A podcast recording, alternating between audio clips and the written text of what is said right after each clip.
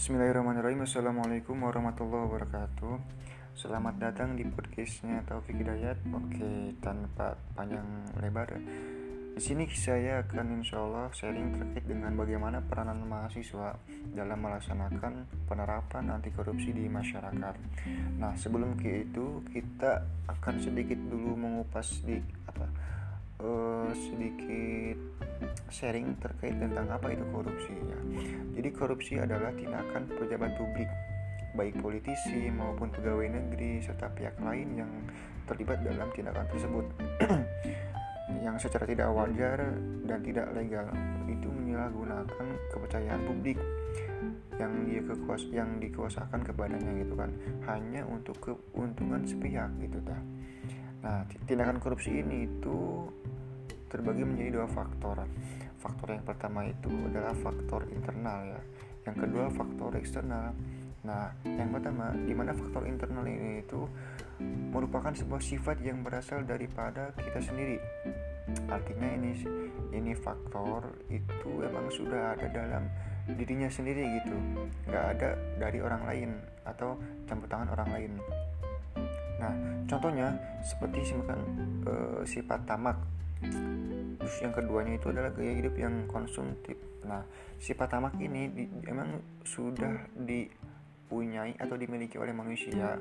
Karena ini merupakan hakikat dasar manusia itu adalah punya sifat serakah atau tamak atau tidak selalu ingin puas atau selalu ingin lebih lah intinya gitu ya.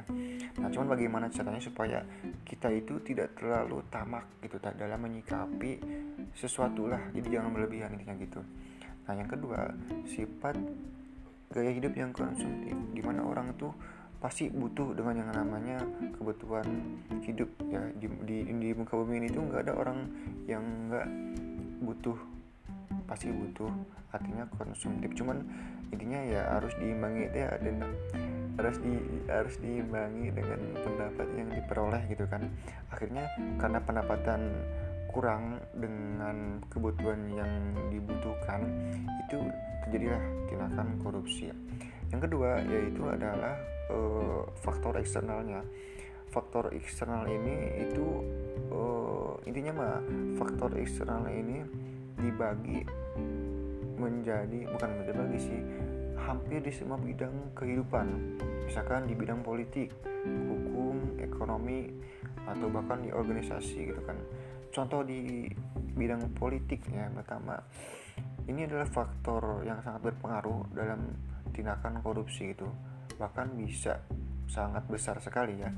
Karena untuk mendapatkan kekuasaan setiap manusia itu bersaing untuk mendapatkan kekuasaan atau jabatan yang lebih tinggi gitu kan. Nah dengan cara dengan berbagai macam dengan berbagai macam cara. Aduh ya Allah maaf nih kalau misalkan gugup karena begini sih ya sorry. Jadi intinya politik itu e, di bidang politik itu karena dia itu ingin mendapatkan kekuasaan yang tinggi sehingga menghalalkan menghalalkan berbagai macam cara. Nah itu. Yang kedua di bidang hukum. Nah kenapa di bidang hukum bisa menyebabkan tindak korupsi? Ya jelas ya karena e, dapat kita ketahui bersama di mana di negara kita itu sendiri bahwa hukum sekarang tumpul ke atas lancip ke bawah.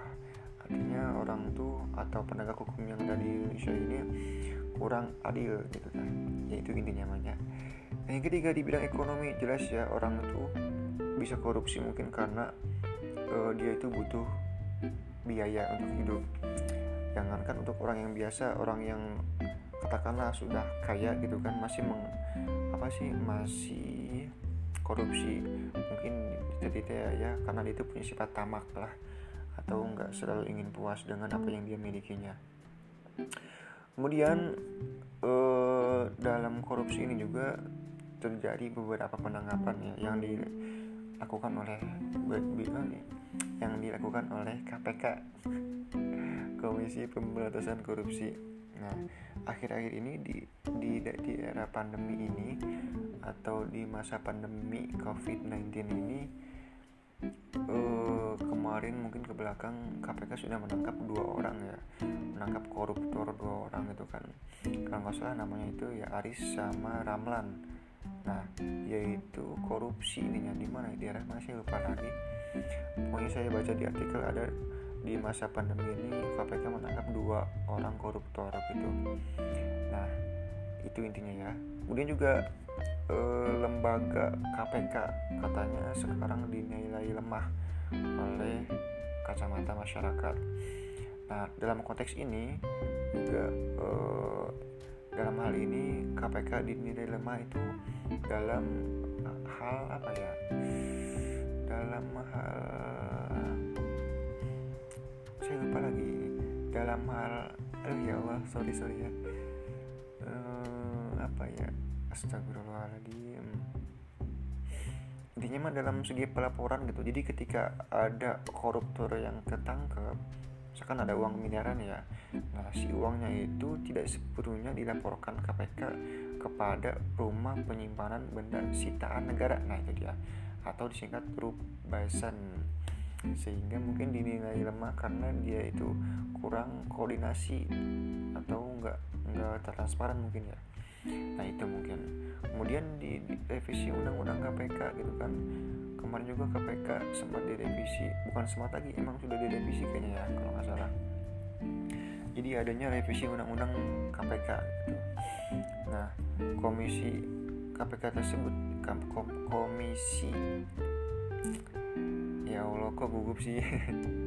Komisi Pemberantasan Korupsi juga menemukan ada 26 poin yang berpotensi melemahkan KPK gitu kan.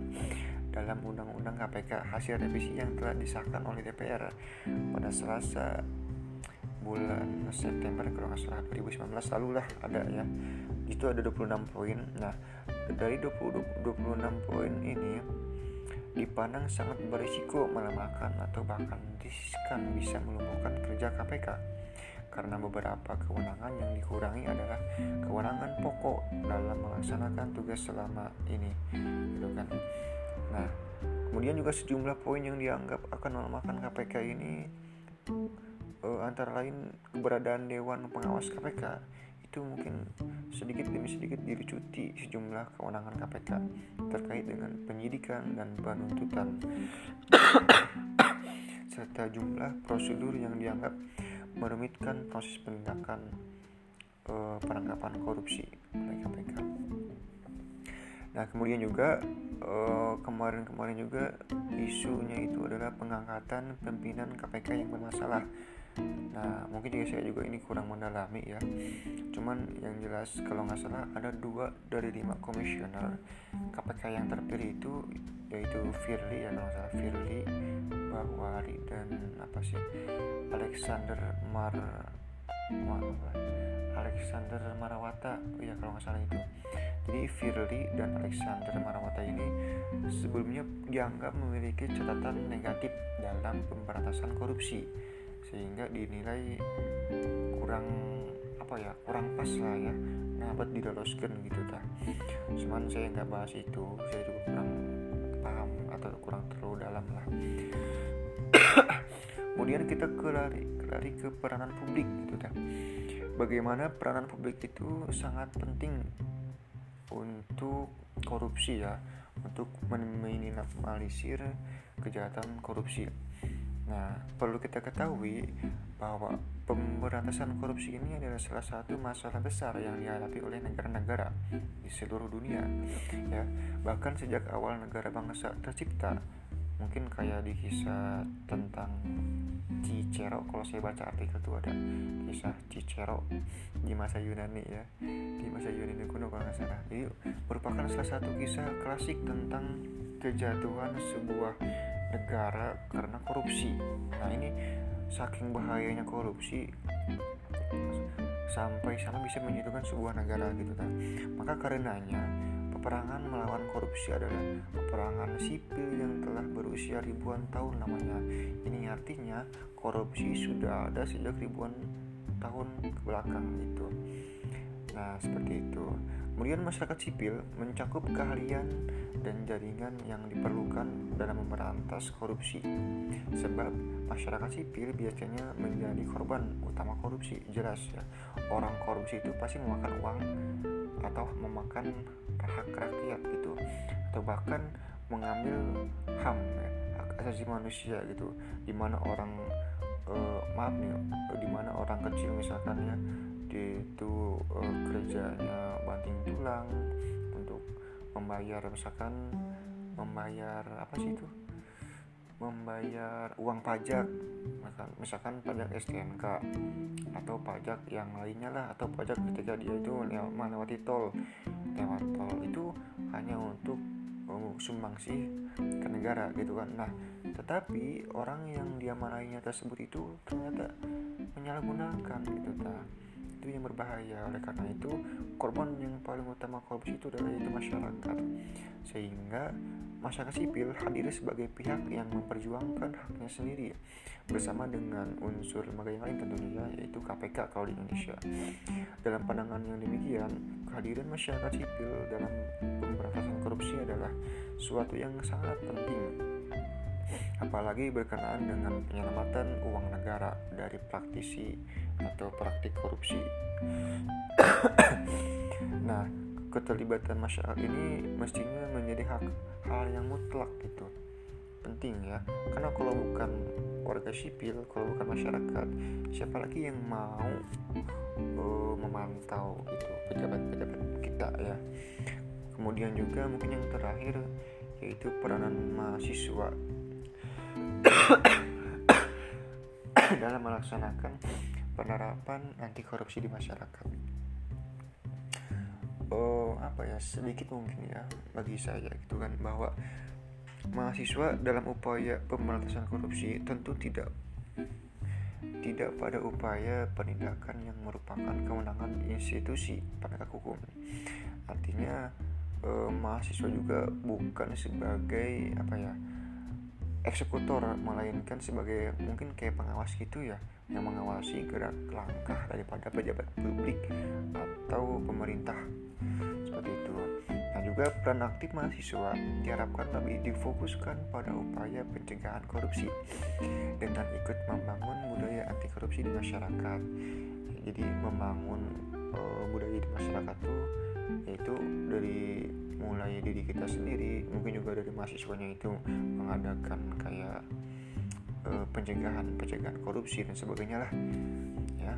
Kemudian juga mahasiswa diharapkan dapat berperan sebagai agen perubahan dan motor penggerak gerakan anti korupsi di masyarakat untuk dapat berperan aktif ber, untuk dapat berperan aktif maka mahasiswa perlu dibekali dengan pengetahuan yang cukup tentang seluk beluk korupsi tentunya. Dan pemberantasannya ya. Uh, yang tidak kalah penting adalah untuk dapat berperan aktif mahasiswa harus dapat memahami dan menerapkan nilai-nilai anti korupsi dalam kehidupan sehari-hari. Misalkan contohnya itu uh, ditempuh dengan cara apa ya kegiatan sosialisasi misalkan ke masyarakat. Kemudian kampanye-kampanye masyarakat juga mungkin ya. Kemudian uh, seminar seminar gitu ta. Kemudian juga uh, di di lingkung kampus itu mungkin ya kayak bikin seminar terus diundang kita para masyarakat atau tokoh-tokoh masyarakat sehingga orang-orang masyarakat tuh tahu bahwa pentingnya pencegahan korupsi itu dimulai daripada diri sendiri. Karena pendidikan anti korupsi ini bagi mahasiswa bertujuan untuk memberi pengetahuan yang cukup tentang seluk beluk korupsi dan pemberantasan kita menanamkan nilai-nilai anti korupsi juga kan. Nah seperti itu kawan. Apalagi ya? Jadi jangan sampai diskusi ini eh, nggak uh, ada gitu. Ininya terus ada diskusi juga tentang anti korupsi ya. bagaimanapun itu caranya. Kemudian juga uh, apa ya uh, kalau nggak salah juga pendidikan di di pendidikan apa di bidang pendidikan itu sebagai apa ya intinya masyarakat itu hampir berpandangan bahwa korupsi itu terjadi di orang yang pendidik eh, korupsi itu terjadi di orang-orang yang terdidik. Nah gitu. Jadi anggapan anggapan masyarakat itu bahwa korupsi itu jarang dilakukan oleh orang kecil ya. Jelas mungkin ya karena yang orang-orang yang terdidik lah yang sering berkorupsi. Nah itu juga yang apa sih ya bingung sih jelasinnya gimana. Intinya mah itu teh emang bener ya kalau anggapan seperti itu mungkin kayaknya bener gitu cuman kenapa orang bisa korupsi karena kalau menurut saya gitu kayak gini ya. Misalkan kayak analogi kayak gini. Iman tanpa ilmu tanpa iman luntur dan iman tanpa ilmu ngelantur.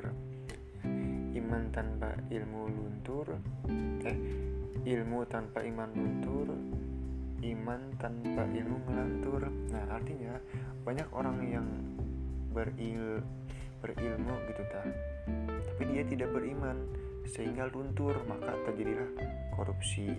Dan juga ada orang yang tidak beriman tapi dia tidak dia itu beriman tapi tidak berilmu sehingga dia itu dibodoh-bodohi gitu ta oleh pejabat publik. Jadi intinya mah uh, intinya mah harus sesuai ya. Antara iman dengan ilmu harus sejalan sehingga uh, orang tuh sejak dini kalau misalkan sudah diajarkan masalah iman insya Allah sudah besarnya akan kebiasaan akan korupsi. Karena dia itu di apa ya intinya mah kalau orang sejak dini itu sudah diajarkan keimanan tentang bagaimana orang-orang tentang bagaimana larangan untuk korupsi kan itu sebenarnya maling ya. Karena ada saksinya ada sanksinya sehingga orang tuh takut. Makanya harus diimanin dulu sejak dini atau diberikan edukasi sejak dini atau keagamaan yang baik lah sejak dini. Maka insya Allah orang itu bakalan bagus ke depannya. Tapi insya Allah ya saya nggak ngejamin juga karena kebanyakan orang yang sejak awalnya diisi keagamaan yang bagus tapi ketika dia sudah besar tergiur oleh yang namanya harta pasti lewat.